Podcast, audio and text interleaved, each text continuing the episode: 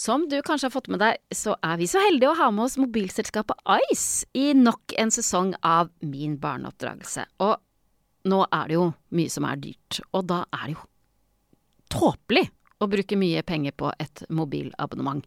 Nå kan du teste Ice og få 30 gigabyte eh, mobildata i to måneder til bare 99 kroner måneden.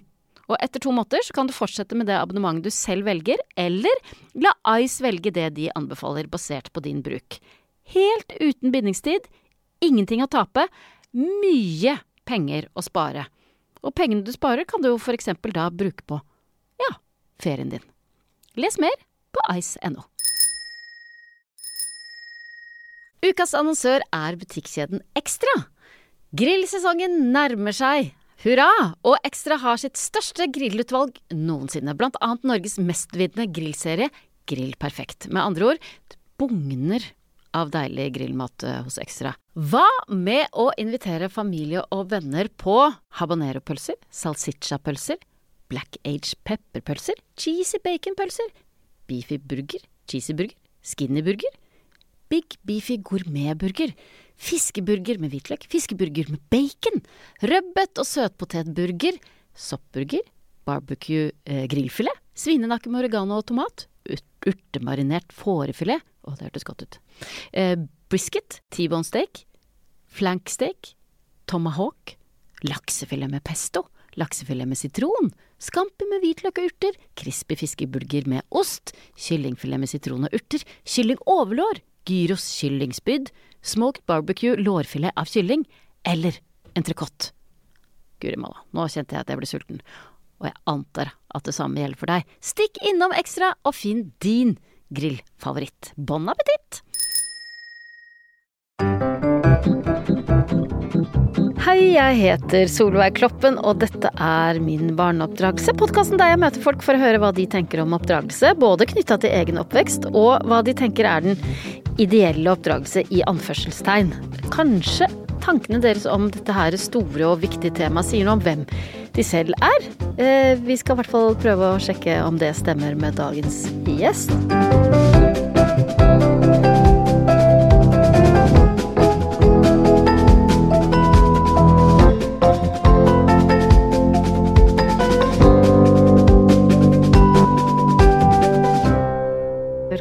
Deg, Lilly Bendris. Tusen takk. Du er altså et av Norges fremste medium, eh, TV-personlighet, kjent fra programmer som Åndenes makt og Spøkelsesjegerne, forfatter og ikke minst podkaster. Ja. Eh, Vi er jo eh, rett og slett kolleger i Lyder Produksjoner, for her produseres også podkasten din Uforklarlig med Ja. Lilly Bendris. Ja. En podkast der du hjelper lytterne med å forstå det uforklarlige der ute. Yes. Spennende. Ja. Men nå, altså i over 40 år så var du gift med din eksmann eh, Kader eh, Bendris. ja. Sier man Kader? Kader? Kader. Kader? Jeg sa alltid Kader, Kader. men mammaen sa Kader. Ja, nettopp. Ja, så Ja. Da kan vi velge litt. vi kan velge litt, ja. Eh, og dere fikk tre barn sammen, Ja. ikke sant? Din eldste sønn Rashid, som er Ja. 54, og så har du en datter, Nadia, som er 49, Ja. og så er det Samir, som er 48. Ja. Ja. Og det som er litt gøy, er at de har gått ikke bare en litt annen retning enn deg, de har gått en helt annen retning enn deg. Ja. For de er alle tre i dag finansanalytikere. Ja. Det er lov å fnise litt av det. Ja, det, det er jo bare så festlig. Ja, for du ler ganske godt av det sjøl. Ja da, ja da. Og jeg har aldri tredd noe nedover hodet på dem av Nei, det, det jeg gjør. tror jeg på. Ja. Og, ehm, og når min yngste sønn ringer meg fra Los Angeles, så sier jeg 'mamma, hvordan står det til i Andromeda-galaksen da?' så de, altså, vi har en veldig fin humor på det. ja, men du, har, har, har de noen av dine evner, eller? Alle har jo det, vet du. Ja, for du Men- tenker at jeg også har det på en eller annen måte? Ja, Eller? alle har vi jo det. Ja. Det er jo bare hva vi velger, på en måte, hvilken retning av livet, men vi bruker jo evnene våre og blir gode på det vi gjør. Ja. Fordi at eh, vi, vi, vi har den egenskapen at ja, det er riktig, det gjør jeg. Ja. Timing, ikke sant. Eh, For disse forretningslogiske barna mine. Ja.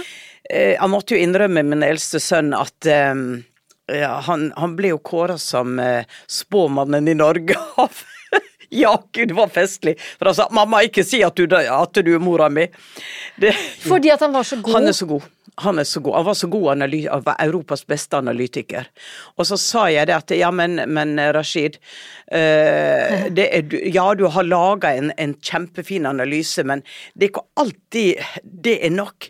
Og så sier jeg, men hva, hva gjør at du, du sier det, da? Ja, magefølelse. Ja. Ja, akkurat, sier jeg. Ja, for hva kaller det er din du- klarsynthet, Ja. men det er magefølelse. Ja. Han visste Mange sånn, kaller det magefølelse, du kaller det klarsynthet. Jeg tror de dyktigste forretningsfolka er veldig klarsynte. Ja, de vet når de skal kjøpe, de vet, altså de følger den gut-feelingen, og, eh, og det slår som regel til. Ok, men du, for vi må snakke mer om eh, eh, både når du skjønte at eh, du hadde disse evnene her, Mm. eh, og om oppveksten din og oppdragelse, men aller først så skal jeg bare prøve å klart, kartlegge hva slags mor du er. Ja, Eh, jeg gir deg nå noen oppdikta foreldrescenarioer, og Mhm. så svarer du hva du hadde gjort. ja. Ok, barnet ditt er fem år. Ja. Du får beskjed fra barnehagen om at eh, eh, han eller hun vegrer seg for å være inne i barnehagen fordi eh, han eller hun da ser en skummel skikkelse der. Hva gjør du da? Eh, Da sier de det at det er sikkert riktig at det er skummel Ja. Ja. Så da må dere bare gripe det an og forklare at den skikkelsen er der, men den er ikke farlig. Eh, og så vil jeg kanskje komme ned og så si at hør her, dette, dette går så bra. Eller så vil jeg ta ungen hjem. Ja. Ja. For skjedde det i oppveksten til barna dine at de liksom Ja. så skumle skikkelser eller spøkelser, hva det, hva det de er? så ikke så mye skumle skikkelser. Dattera mi var vel den mest følsomme. Og, eh, og hun gikk i fransk barnehage, og hun ville ikke være i fransk barnehage. Nei. Så det var, eh, det var gråt og skrik, og det var, det var helt fryktelig. Eh, Så vi tok henne jo da ut, for hun var født hun var jo født i Canada, og den yngste var født i Paris i Frankrike. Mhm. jeg, jeg slapp de ut litt her og der, jeg skjønner. så, så, og hun hadde et traume fra, fra Paris, hvor hun ble innlagt på sykehus. Jeg fikk ikke lov å komme, hun forsto ikke språket.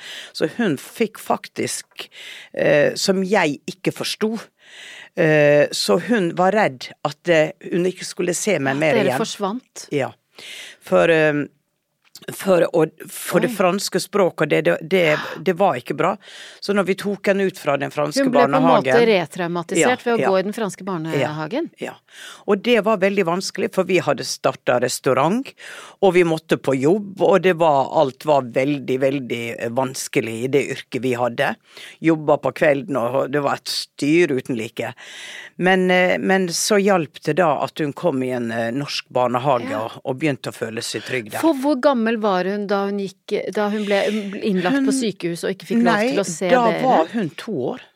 Ja, og hvor lang, lenge var hun der? Hun var der i tre uker. Oi, uten at dere som foreldre fikk lov Ja, til å Ja, for da gråt hun så fælt når jeg kom, og jeg lå på samme sykehuset med, med Vea, med et barn som kom for tidlig. Så det var litt av en historie, hele greia. Ja. Og når jeg da skulle komme inn, så hylskreik jo hun. Hun ville jo bare til meg. Og så fikk jeg ikke lov. Han sa til nei, hun, hun roer seg når du er borte. Og det var jo sånn som det var den gangen, ikke sant. Du fikk jo ikke lov å være inne de der. at det det er helt det fryktelig. Ja. Og, og det er jo en av de tingene jeg tenkte, hvorfor bare eh, Hvorfor var jeg ikke sterkere, sa jeg skal Ja, inn, ja. ikke sant? Og det er sånne ting som åh, god, plaget feil man Ja, gjorde. Ja, ja. Det, det, det har jeg kjent på hele livet. Tror du at hun har fått varige men av det? At det sitter et eller annet Eh, sted i henne? Ikke nå, ikke nå. Vi har nok, eh, hun har nok jobba seg gjennom det, men det prega henne veldig lenge. At hun var usikker. Ja. Ja, usikker, veldig redd, drømte om at jeg forsvant og og, og, og hun var den veldig, veldig følsomme, og det er hun fortsatt. Ja. Mest, mest uh, klarsynte av barna mine. Oh, ja. Det er hun. Ja. Ja.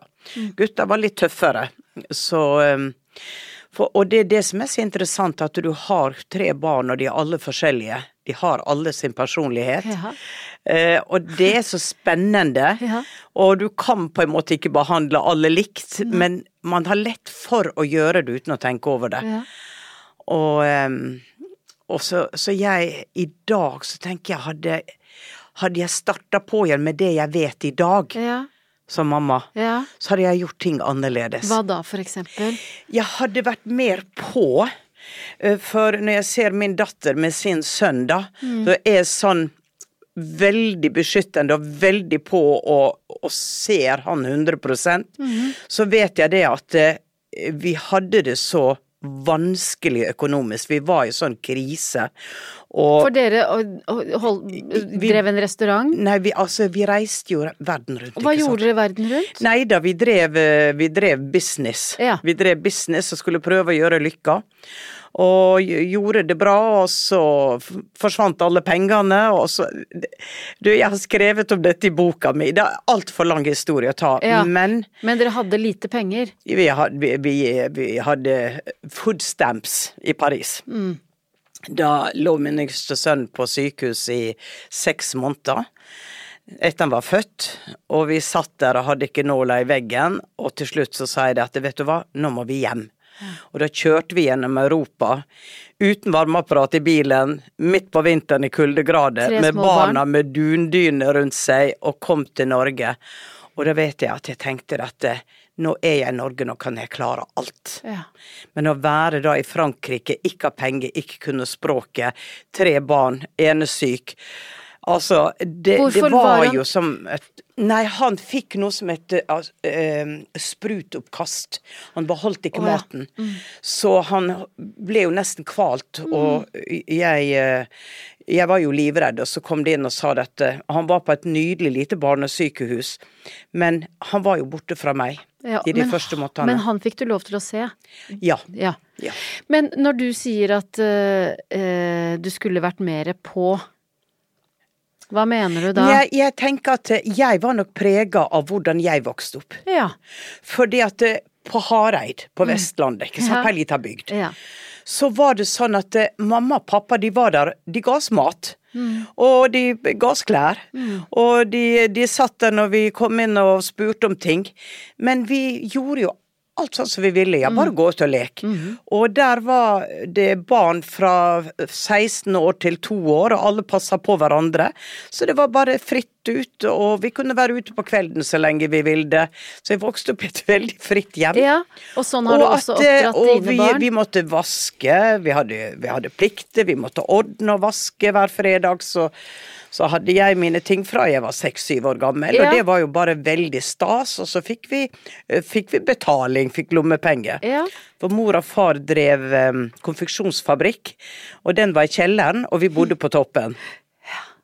Så de jobba på dagen, men husker mamma alltid kom opp når jeg kom fra skole, Ja. og satt med meg når jeg spiste. Ja. Ellers så var jo de opptatt.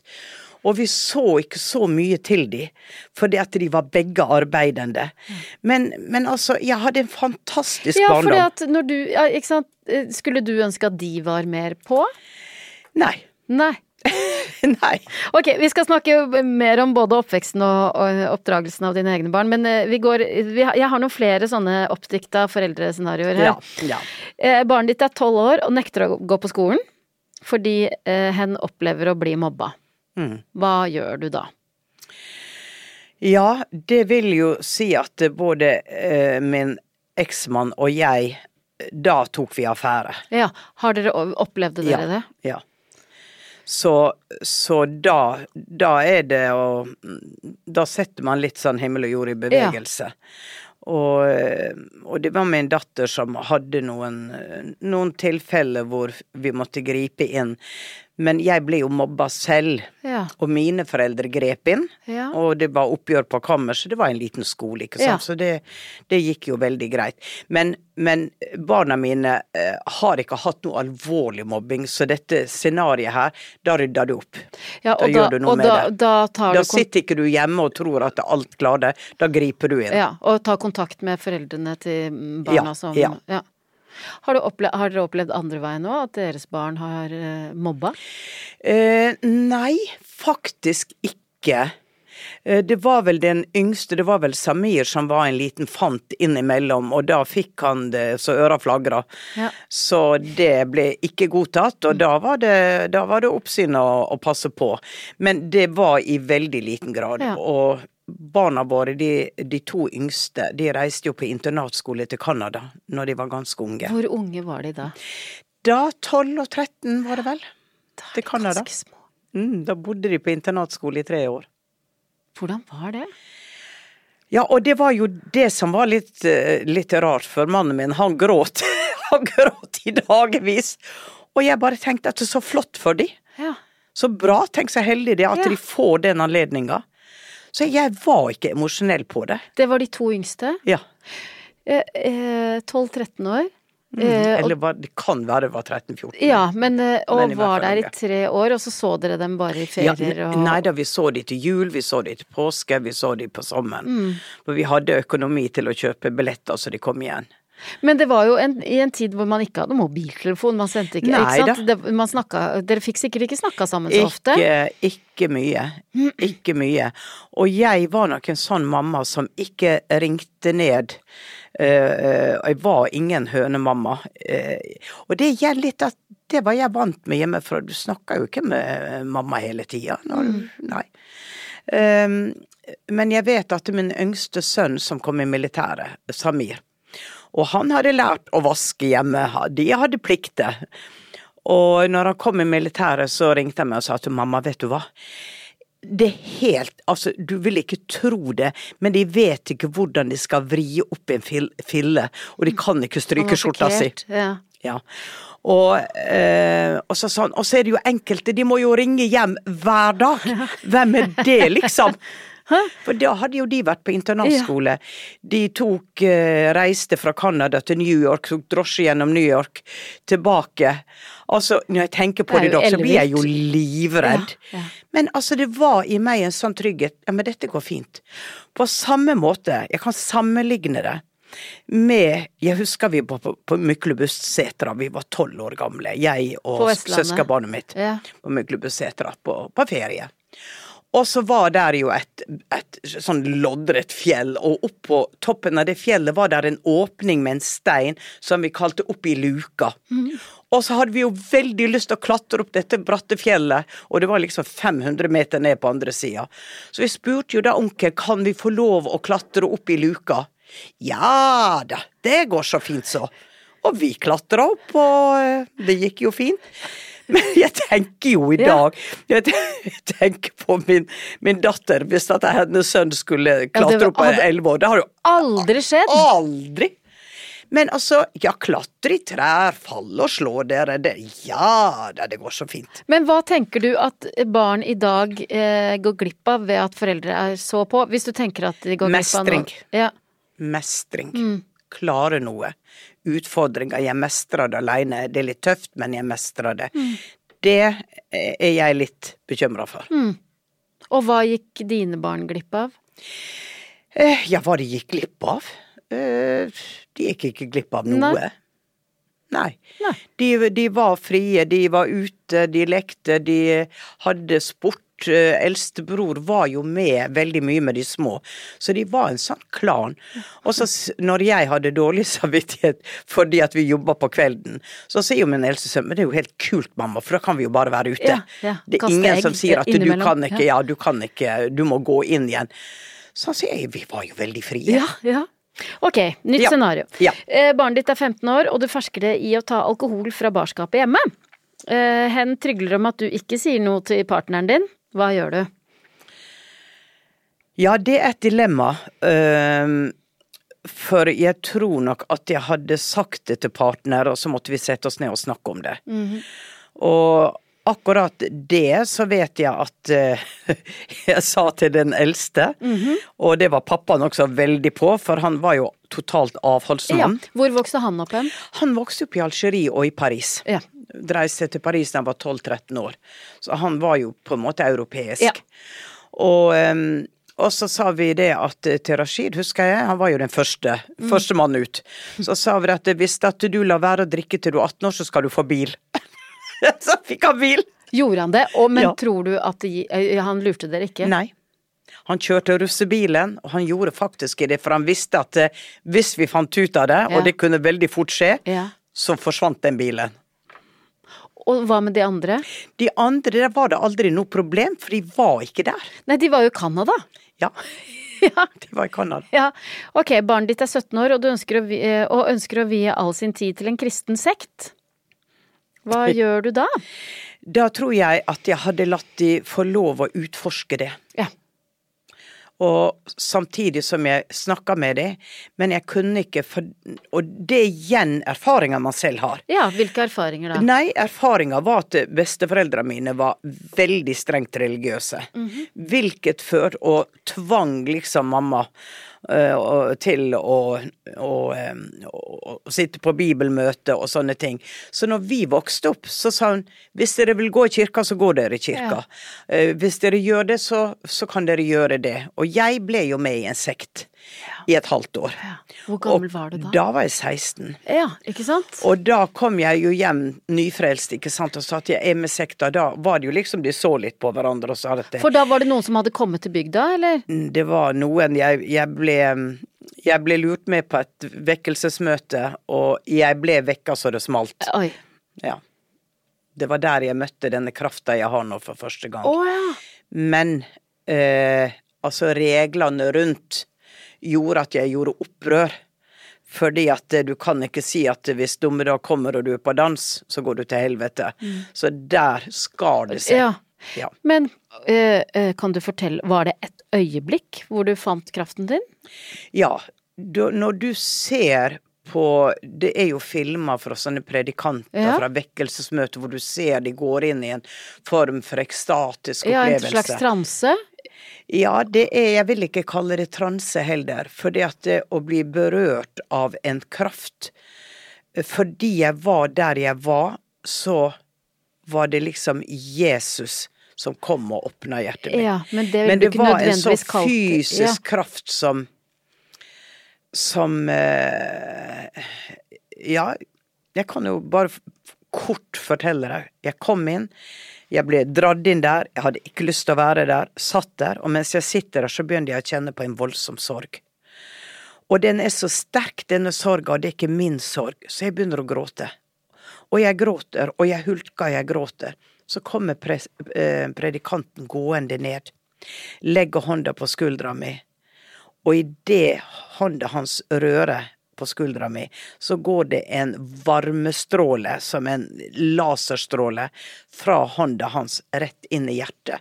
Og den enorme sorga på et sekund snur til ekstatisk glede. Oi. Det var en så sterk opplevelse at jeg kommer aldri, aldri, aldri til å glemme det.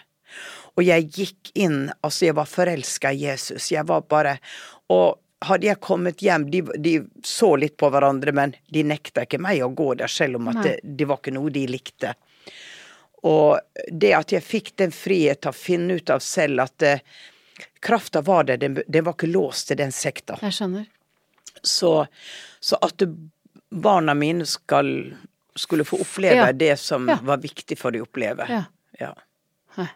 Men ville du allikevel vært litt bekymra, liksom? Eller?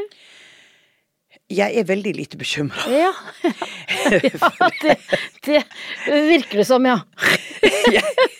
Jeg, jeg, jeg det som kald mor. Jeg tenker, ja, de stupte fra 20 meter utenfor en klippe i, i Canada. Ja, jeg hadde sikkert hjertet i halsen hadde jeg stått der, men ja ja, det gikk jo bra. Yes, ja. Det gikk jo bra, man. Det gikk jo bra. Men, eh, men eh, nei. Nei. Nei. Nytt scenario. Ja. Barnet ditt er 18 år eh, eh, og storm, stormforelska. Mm. Eh, hen kommer til deg for kjærlighetsråd fordi hen lurer på hvordan man bør gå fram. Hva sier du da? Med sex tenker du på? Nei, bare jeg, 'Jeg er så forelska, hva skal jeg gjøre?' 18 år gammel. Ja. Å ja, men da har jeg var jo forlova da jeg var 16. det er jo sent, hvis ikke de vet Ja, hva de skal gjøre da. Ja. Men, men da vil jeg nok sittet og prata både om, eh, om eh, sommerfugler og litt av hvert. Ja, ja, du ville tatt den store sexsamtalen nå? ja, ja. Eh, har du, tok du den noen gang med barna dine? Eh, Jeg tror faren tok det med gutta. Ja. Ja, og jeg snakka vel med, med, Med Nadia. Med Nadia ja. ja.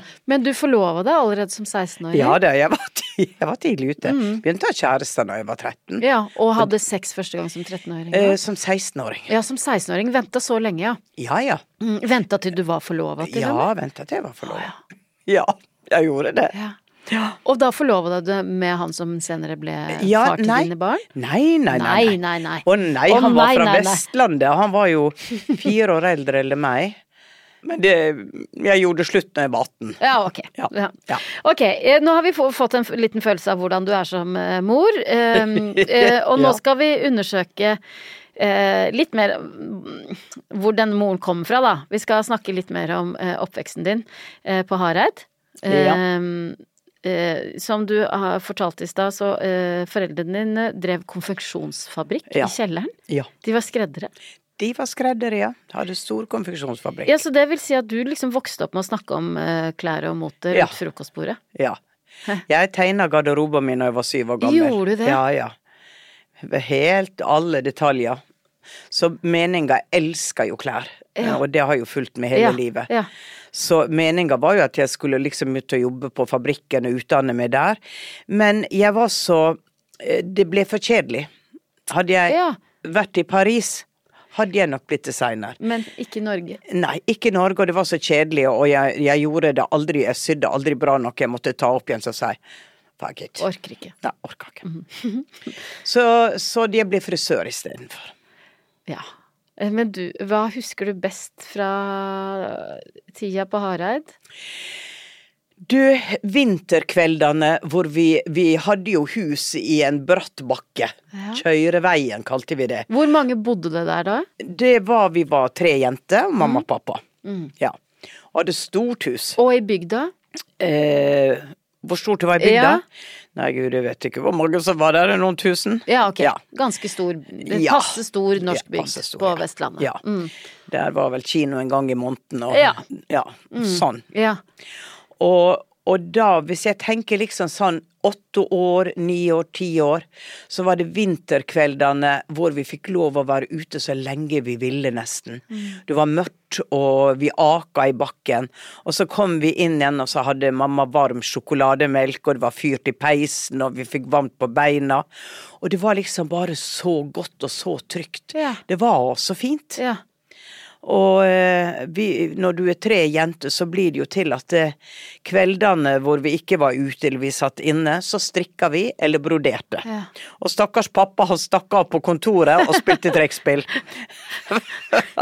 han ha- hadde Satt på kontoret og spilte trekkspill. Ja, det der satt han i timevis.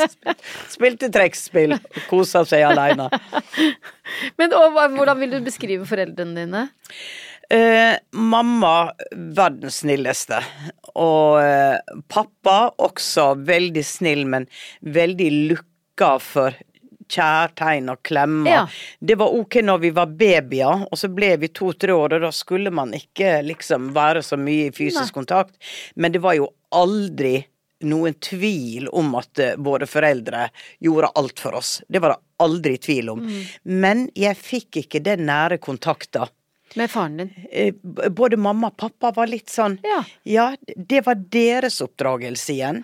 Kan du huske, Savna du det? Kan du huske om du gjorde det? Nei, fordi at jeg var så levende barn, og jeg gikk og klemte sjøl, jeg. Mm. Ja. Eh, så jeg kunne eh, Men jeg var veldig redd for at mamma ikke skulle være glad i meg hvis jeg gjorde noe galt. Mm. Så vi var nok av den generasjonen som Nå må du være snill, jente, Mm. da er vi glad i deg. Den var et sånt lite spøkelse bak. Mm. At hvis jeg var slem Men, du, men den der følelsen der at uh, jeg må være snill, jeg må gjøre de riktige tingene for Ja. at folk skal For at eh, mamma skal like meg eller fortsette å være glad i meg. Kan du kjenne på den i andre relasjoner som voksen? Ja, det er nok veldig der at jeg alltid er diplomaten. Jeg er den som går inn og ordner opp ting og sørger for at alle har det bra. For jeg vet at jeg tok det som mitt ansvar. Når pappa blir inneslutta og geipen gikk nedover, Ja. så tok jeg det som min oppgave å få han til å smile igjen. Ja. Og da laga jeg ablegøye, og da var jeg Og jeg fikk han alltid til å smile igjen. Det var liksom min oppgave. Og min eldste søster, hun var mer eller mindre døv, og ville ikke at noen skulle vite det. Det var et veldig problem for henne. Og da tok jeg på meg ansvar at jeg måtte være med henne ut, sånn at ingen skulle oppdage at hun ikke hørte, så jeg svarte for henne. Så veldig tidlig tok jeg på meg oppgave. Litt i forståelse med hva jeg gjør i dag. Ja. Ikke sant? Jeg skal hjelpe deg, jeg skal ordne opp. Ja. Hva kan jeg gjøre? Men det kan jo være en ganske tung bør Kan, kan du bli sliten av det? Eh, Og, den, og også som barn, liksom? Kan du huske at det føltes Ja, jeg husker av og til så, så tenkte jeg åh, ja, jeg er litt sliten av dette ansvaret. ja, Men så flytta jo jeg tidlig hjemmefra. ja, du var bare 16? 16 når jeg flytta til Ålesund. Og det syns jeg på mange måter var deilig, for da var jeg aleine. Ja. Da hadde jeg ingen, liksom, da var jo bare meg.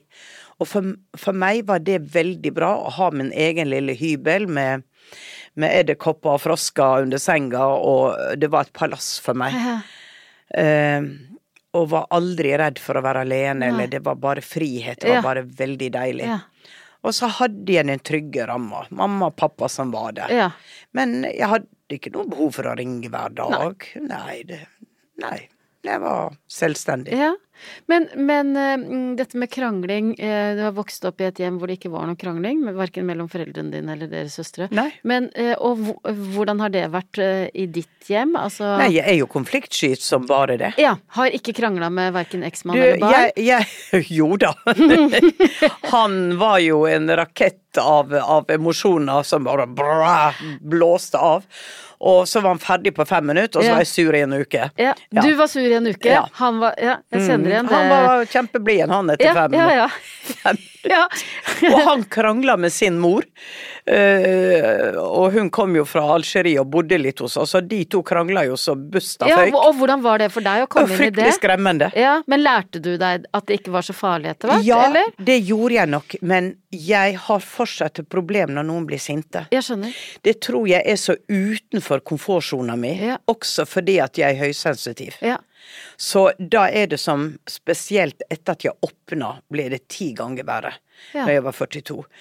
Og da var det som noen liksom stakk meg med kniver i brystet. Ja. Og det ble hjertebank, og jeg kjente at Å, jeg, jeg begynner å skjelve på handa. Så jeg takla det veldig, veldig, dårlig. Ja. Men jeg har snakka med andre sensitive som også sier det er veldig vanskelig. Sinne er noe av det vanskeligste. Når det står noen foran deg og er rasende, Ja. så er deres frekvens så alien for deg. ja. Og det, det er nesten så det skader kroppen din. Men, men eh, barna dine, eh, ingen av dem har vært spesielt temperamentsfulle? temperamentsfulle? Jo da. Jo. Jo, men altså de har, De har på en måte De har krangla seg imellom, de to yngste spesielt. Og jeg har jo sett at de har eksplodert og vært sinna, men det, det har vært på en annen måte, for det var barna mine. Jeg skjønner. Ikke ja. sant? Ja. Da kunne jeg heller gå inn og si at men hør her. Eh, men det er, var når voksne eh, Når voksne ble veldig sinte, at det, det eh, jeg, jeg kan ikke huske Altså, det var Pappa ble taus, Ja. og mamma, mamma hadde tårer i øynene. Forstår? Jeg skjønner. Forstår ja, du? Ja. Mm, ble lei seg. ja. Men det kan være veldig ubehagelig, det òg. Fryktelig ubehagelig. Fryktelig. Og det var jo derfor at jeg måtte jo få de blide igjen. Ja. For da ble det bedre å være der. Ja. Å, lille Lilly. Ja, ja. Ja. Topper. Ja. Ja, det du, Når du tenker tilbake på det, livet var det det var. Og så ser man tilbake, og så tenker man oppi det hele, så syns jeg jeg var så utrolig heldig, Ja. og hadde Ja. det så bra. Ja. Sånn at det andre, det var ja ja, men det var greit. Ja. Det var Men du, la oss snakke om det med en gang. Du sier at eh, du åpna opp da du var 42. Mm. Hva betyr det? Det var da jeg fikk uh, disse evnene mine bare knall i hodet. Ok, hva Ja. skjedde? Det var jo en eh, Møtte vel veggen. Ja. Syntes alt var tomt og meningsløst. Forsto ikke hvorfor jeg var her. Mm. Eh, fikk eh, vite at jeg hadde celleforandring i underlivet. Um, gikk til en akupunktør, og husk på, jeg hadde aldri meditert. Jeg var ikke inne i den verdenen i det hele tatt. Veldig fremmed for meg. Ja. Jeg var veldig fascinert av dette. Jeg tenkte at folk har levd før, og, og litt sånn spøkelser, litt mystiske ting, men, men ikke, ikke i den eh, Eh, på en måte spirituelle konteksten, da. Everyone knows therapy is great for solving problems, but getting therapy has its own problems too, like finding the right therapist, fitting into their schedule, and of course, the cost. Well, BetterHelp can solve those problems. It's totally online and built around your schedule. It's surprisingly affordable too. Connect with a credentialed therapist by phone, video, or online chat, all from the comfort of your home. Visit betterhelp.com to learn more and save 10% on your first month. That's BetterHelp H E L P.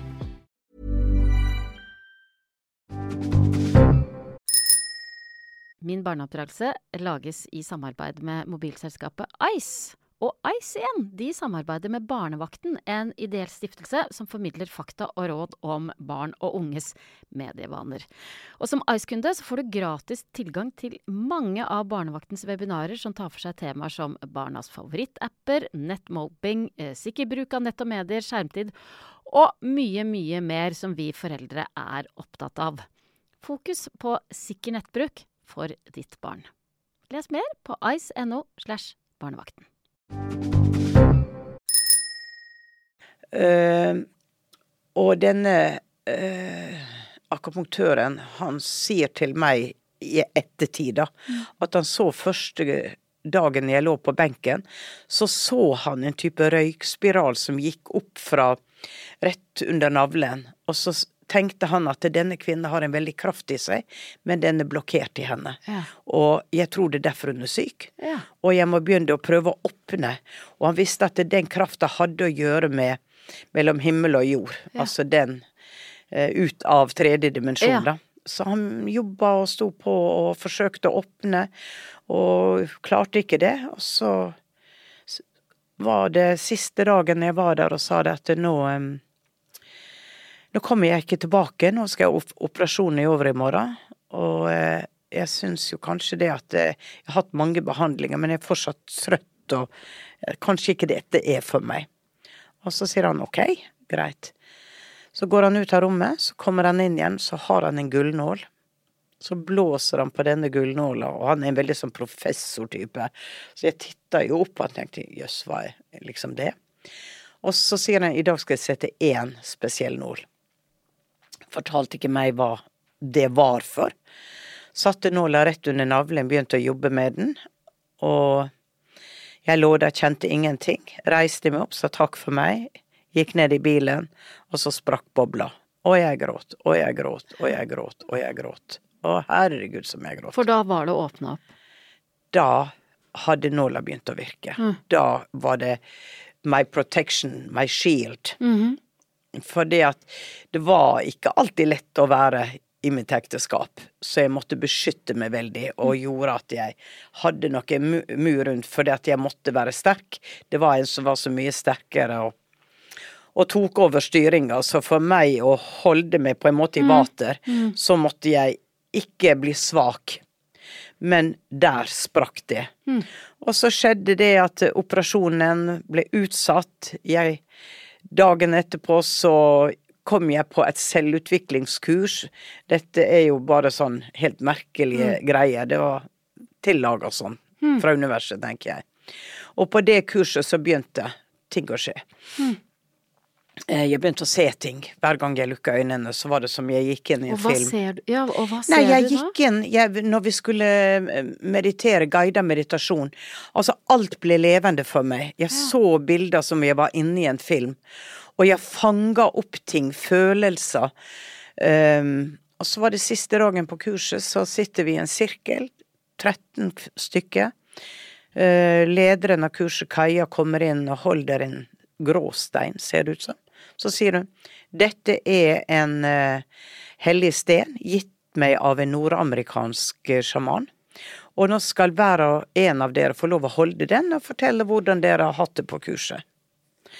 Og hjertet mitt begynte å hamre, og noe skjer med kroppen min.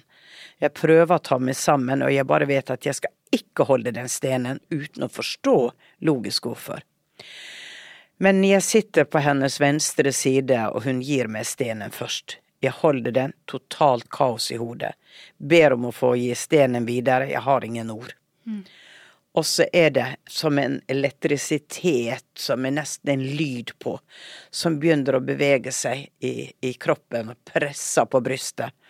Og første dagen hadde jeg jo grått og grått og grått og grått, og det eneste tanken min var at ikke gråt, Lilly, ikke lag skandale, det slutt, det er stille. Og eh, så ser Kaja på meg, og så ser hun at noe er i ferd med å skje. Eh, og så sier hun 'ikke hold tilbake lenger, Lilly, pust'. Og så kjenner jeg at hodet mitt blir kasta bakover. Jeg vet at jeg sitter på en stol i det rommet, men jeg reiser. En annen Lilly reiser ut og finner seg selv i et stort landskap, ørken, hvor det sitter en gammel sjaman. Det er helt spesifikke detaljer i dette bildet, der er ingen lyd, men alt er i spiraler.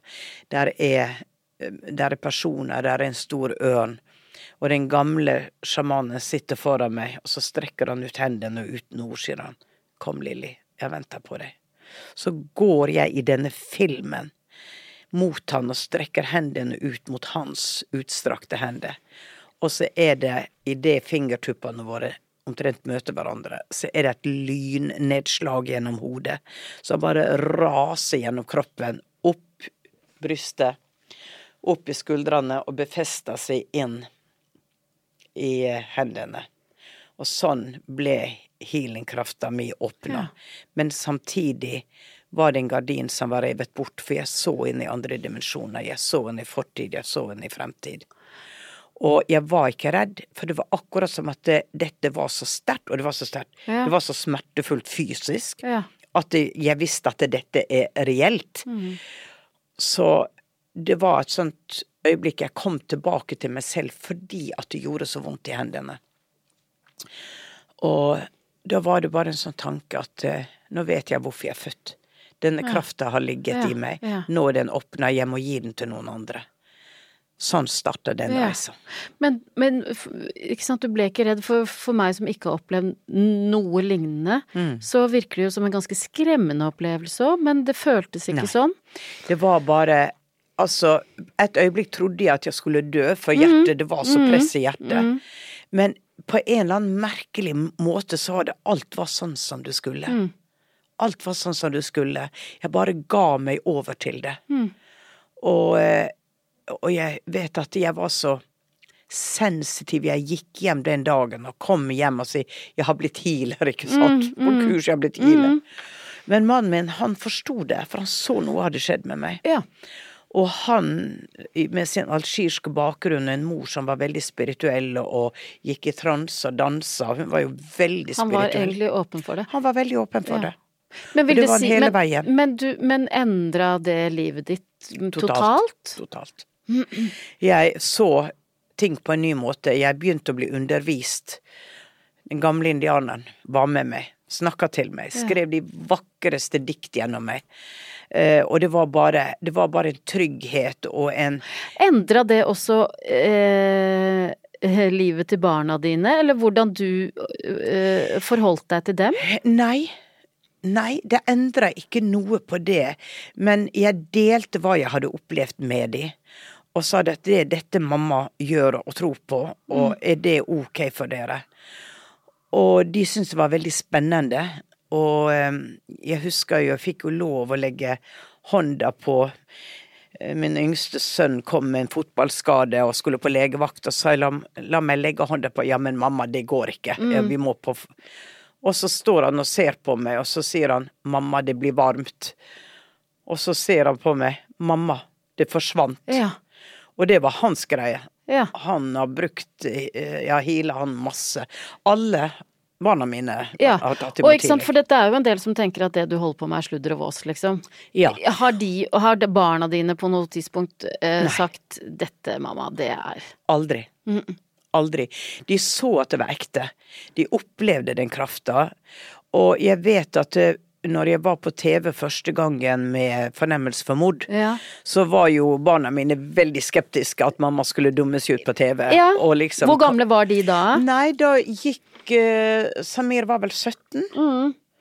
Eh, Fortsatt ganske ung, ja. ja og, ganske ung. og da er de jo opptatt av eh, Ja, hvordan ja, ja. foreldre opptrer ja, ute i offentligheten. Mm. Og der satt vi i sofaen og skulle se på, da, og da var det masse tekstmeldinger fra alle vennene som skulle se på. Og han var jo bare helt Det knøt seg i han. Ja. Og så kom episoder, og så sier han Fy søren, mamma, du er dyktig. Ja. Så kult!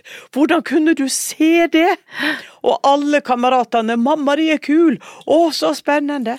Så det var ingen motstand Nei. i det nærmiljøet, da. Nei. Og selv for barna mine sine venner syntes dette var jo utrolig ja. spennende. Og du ble ikke en raring på foreldremøtene, liksom? Nei. Jeg, jeg ble aldri det. Snakka jo ikke noe om det hvis ikke noen spurte. Nei. Det var ikke noe jeg trådde nedover hodet på folk. Jeg gjorde det jeg gjorde. Ja. og så Men etter hvert så ble du jo veldig kjent, da. Ja. Ja. Ja. Mm. Og da var det sånn at eh, jeg sa jeg er den jeg er. Hvis noen har problemer med det, så er det faktisk ikke mitt problem. Uh, og hvis det er deres problem, ja, så får jo de funnet ut av det. Så, eh, men mine nærmeste, de, vi var en klan som alle tok dette på alvor. Mm. Egentlig så var vi jo fortsatt på Hareid. Nå har vi hoppa Ja. langt frem i tid. Å gud, ja det er meg. Nei, det er meg. jeg er tvilling, vet du. Jeg hoppa fra det ja, ene til det andre. Ja, Er du altså? Ja, helt. Ja. Ja. Og, eh, men eh, eh, Ja, vi har jo så vidt vært innom det, men hva slags regler hadde dere hjemme? Ingen. Nei.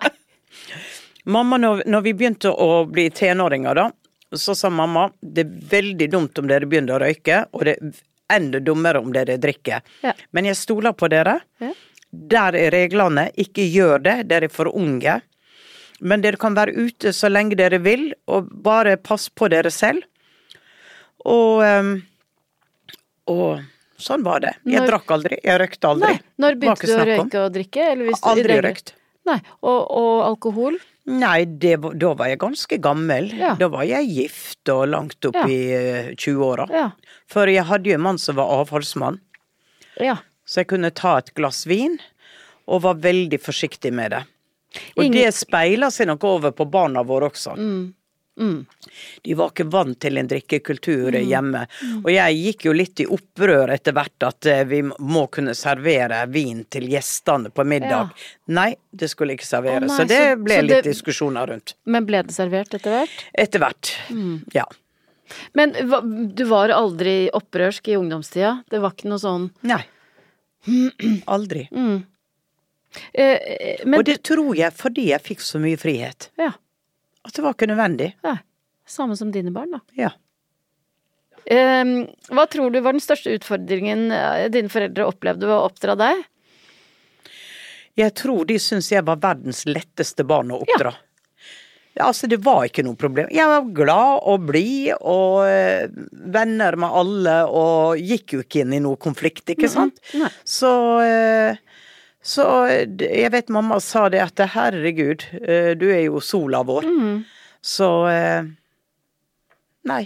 De, de syntes nok jeg var veldig enkel. Ja.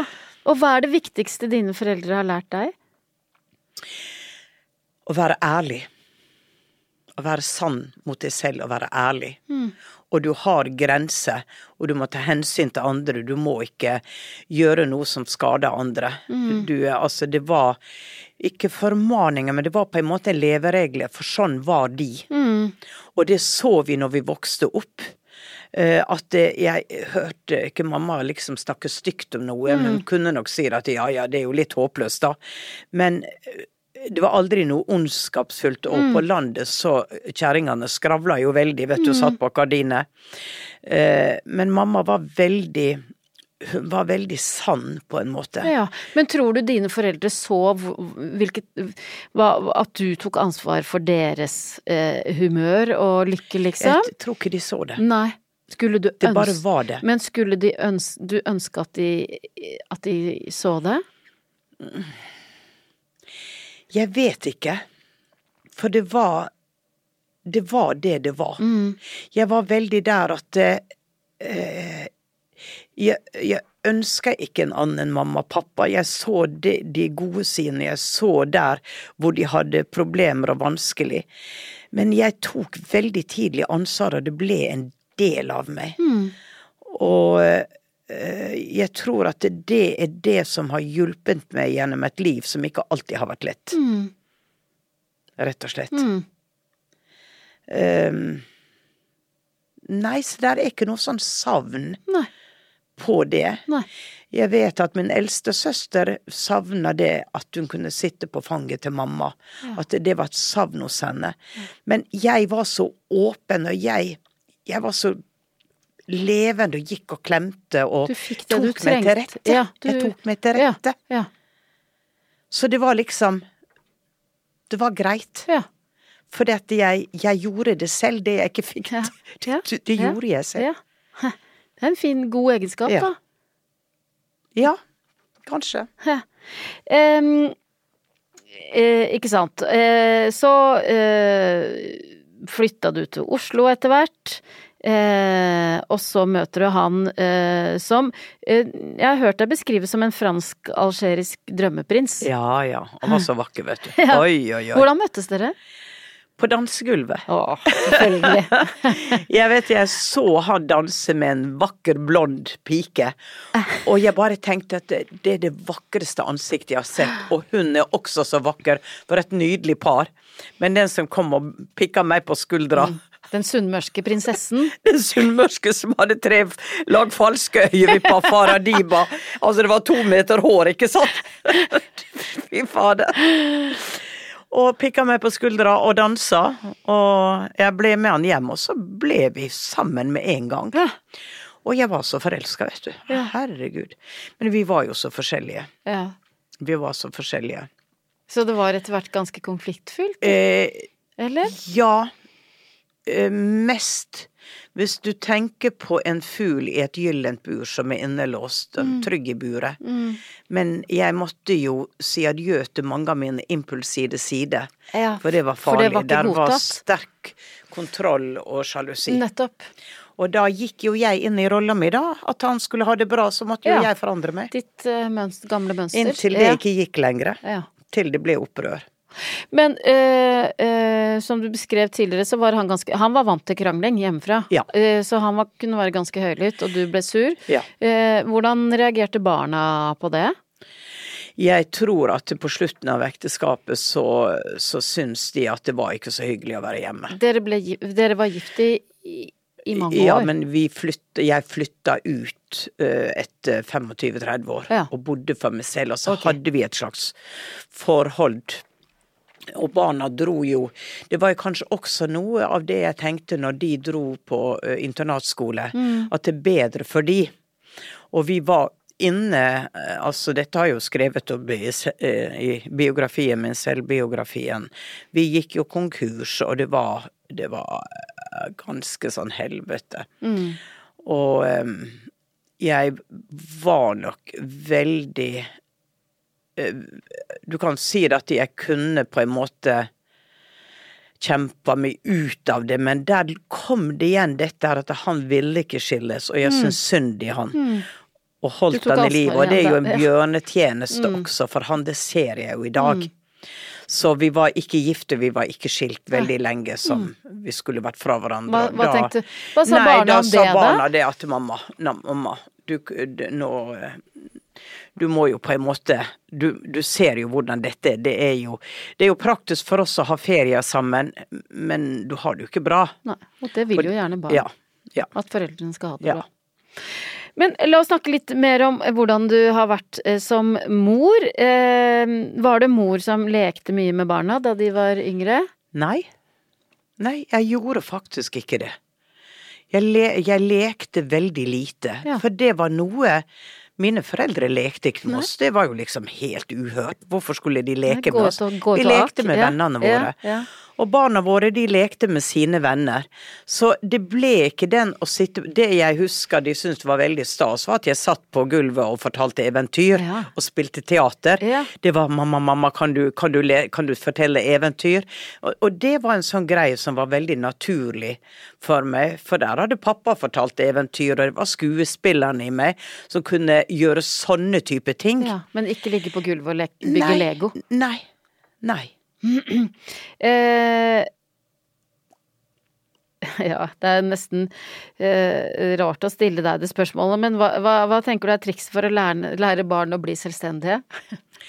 Gi de oppgave. Ja. Gi de oppgave, og, eh, og ros de for oppgavene de får, Ja. men forlang at oppgaven skal gjennomføres. Eh, og eh, selvfølgelig gir de oppgave i tråd med hva de kan klare å prestere. Men det tror jeg at er kjempeviktig at barn får oppgave av å hjelpe til hjemme. Fordi at det skaper et fellesskap av at man er en klan, og den hadde vi. Mm. Tenker du at, for, at foreldre i dag svikter litt på det området der? Ja, de er vel kanskje litt beskyttende, for at eh, de er jo for unge. De behøver ikke det. Og kanskje noen Vi har jo praktikant, eller vi har noen, og, og man skal liksom være litt snille, og, og jeg tror at det er en generasjon som er litt mer hjelpeløse når de skal ut og bo for seg selv. Eh, fordi at å gud, hvordan setter jeg på vaskemaskinen? Hvordan gjør det? Mamma har jo alltid gjort det. Selvfølgelig lærer de det, da må de lære det. Men jeg, det er den som du ser, jeg har reist mye rundt i verden, og jeg ser jo for eksempel når jeg kom til Algerie, når jeg kom til Marokko, når jeg kom til Spania, hvordan familier var vevet sammen med at eh, du gjør det, du gjør det, og du gjør det, og det er din oppgave. Og at det, det ble Det ble det å ta vare på hverandre som eh, jeg tror eh, For meg er det veldig viktig. Og sånn har du prøvd å oppdra dine barn også? Ja. Og har de ført det videre til sine barn igjen? Nei.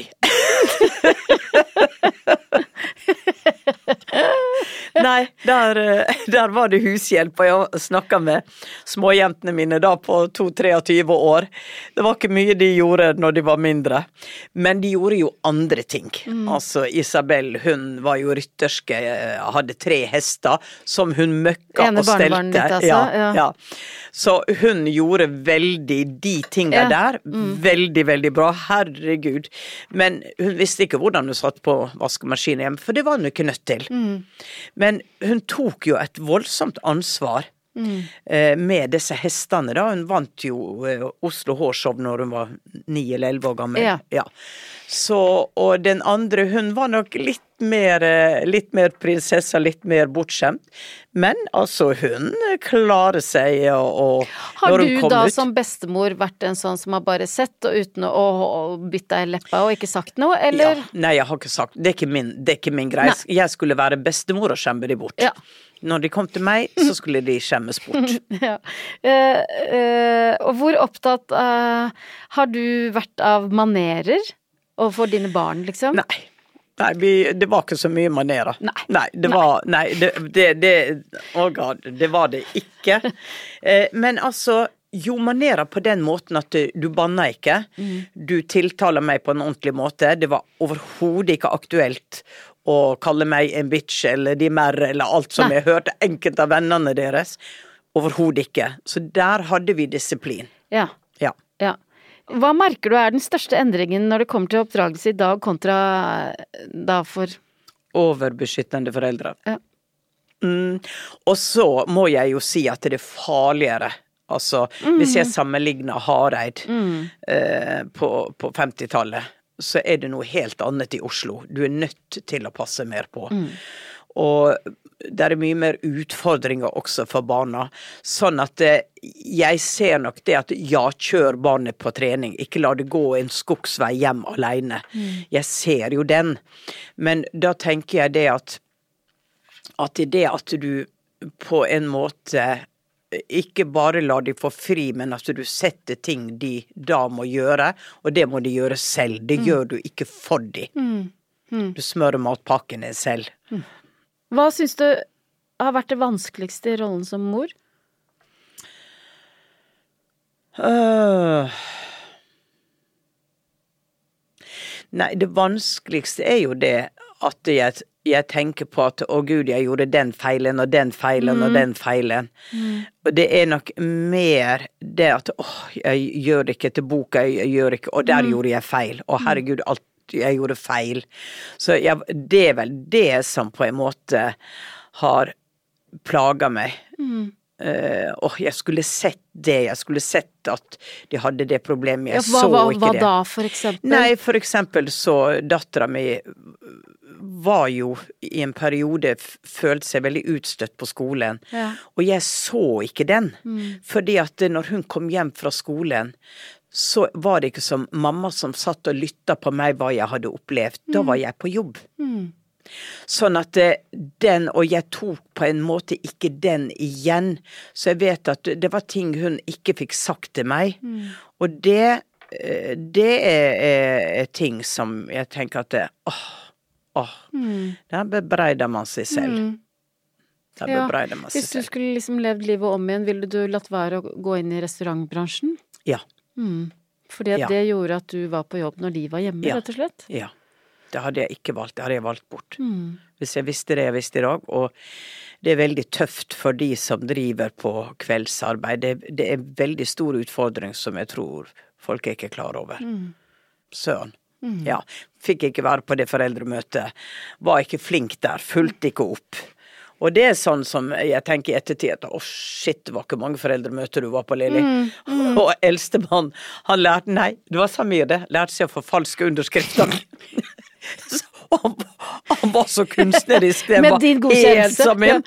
Så vi fikk jo aldri vite noe om de klagene som kom fra skolen. Ikke sant?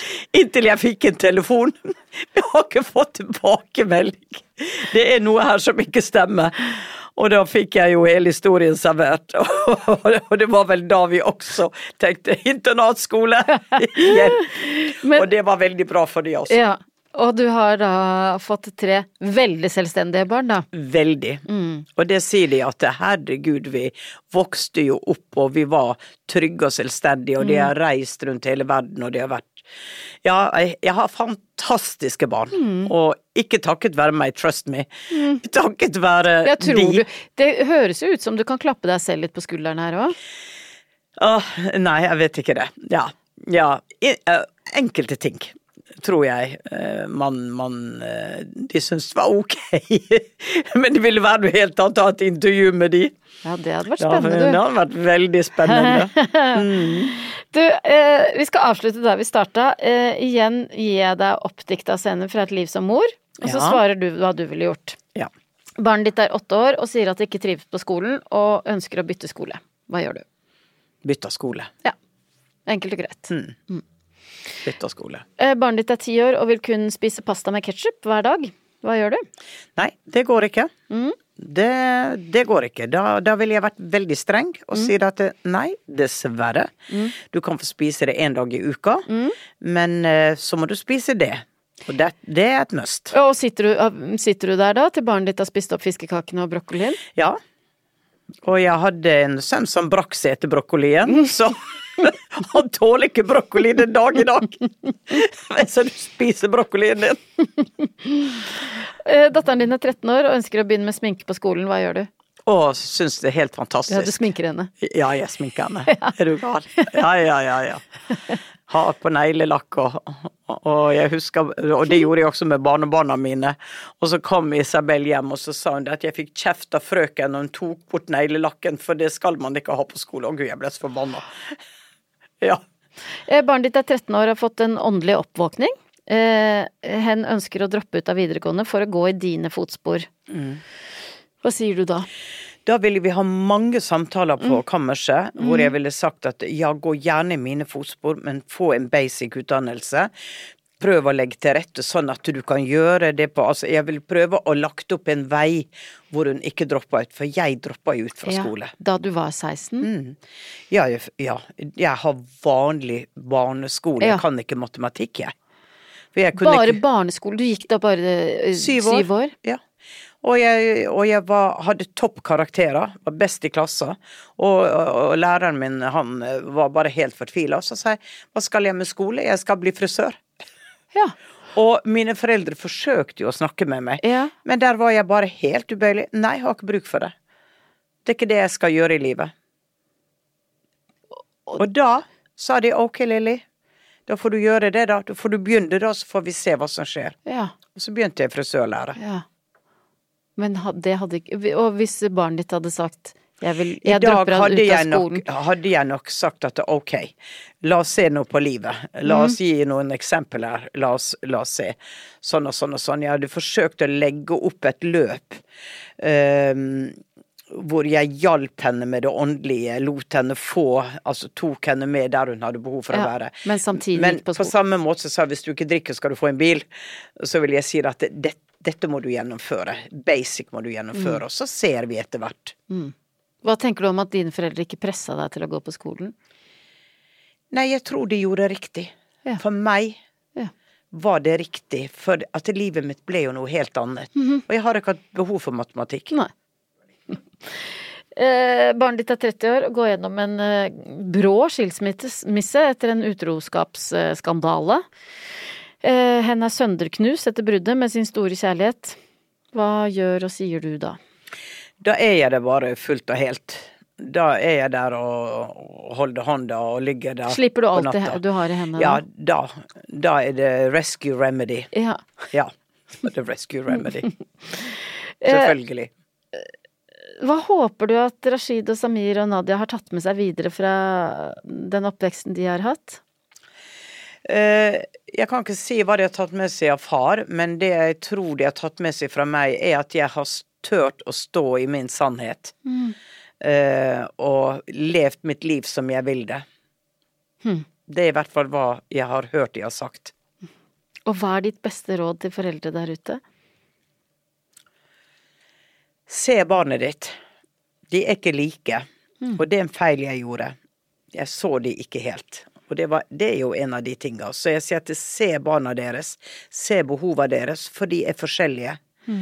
Og eh, tør å Nei, ikke tør. Si til deg at uansett hva galt som skjer, du drikker deg dritings, du er sånn og sånn og sånn, kom hjem. Det er greit. Altså ikke være den strenge foreldra som de ikke tør å komme hjem når det er noe. Eh, det tror jeg er kjempe, kjempeviktig. Kjære Lilly, så hyggelig å ha deg på besøk. I like måte å være her.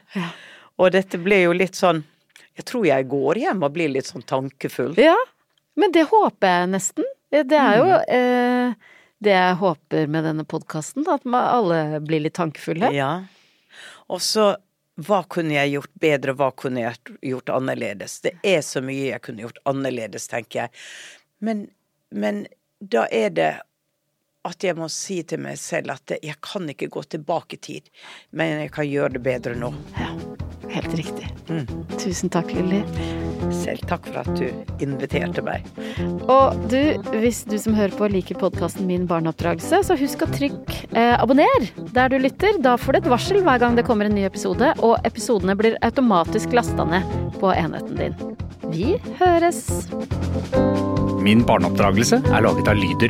Er.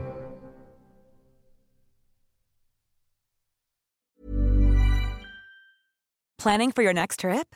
Elevate your travel style with Quince. Quince has all the jet setting essentials you'll want for your next getaway, like European linen, premium luggage options, buttery soft Italian leather bags, and so much more. And is all priced at 50 to 80% less than similar brands. Plus, Quince only works with factories that use safe and ethical manufacturing practices. Pack your bags with high-quality essentials you'll be wearing for vacations to come with Quince. Go to quince.com slash pack for free shipping and 365-day returns. Hi, I'm Daniel, founder of Pretty Litter. Did you know cats tend to hide symptoms of sickness and pain? I learned this the hard way after losing my cat, Gingy. So I created Pretty Litter, a health monitoring litter that helps detect early signs of illness by changing colors, saving you money and potentially your cat's life. Pretty Litter is veterinarian developed, and it's the easiest way to keep tabs on your fur baby's health right at home. Go to prettylitter.com and use code ACAST for 20% off your first order and a free cat toy. Terms and conditions apply. See site for details.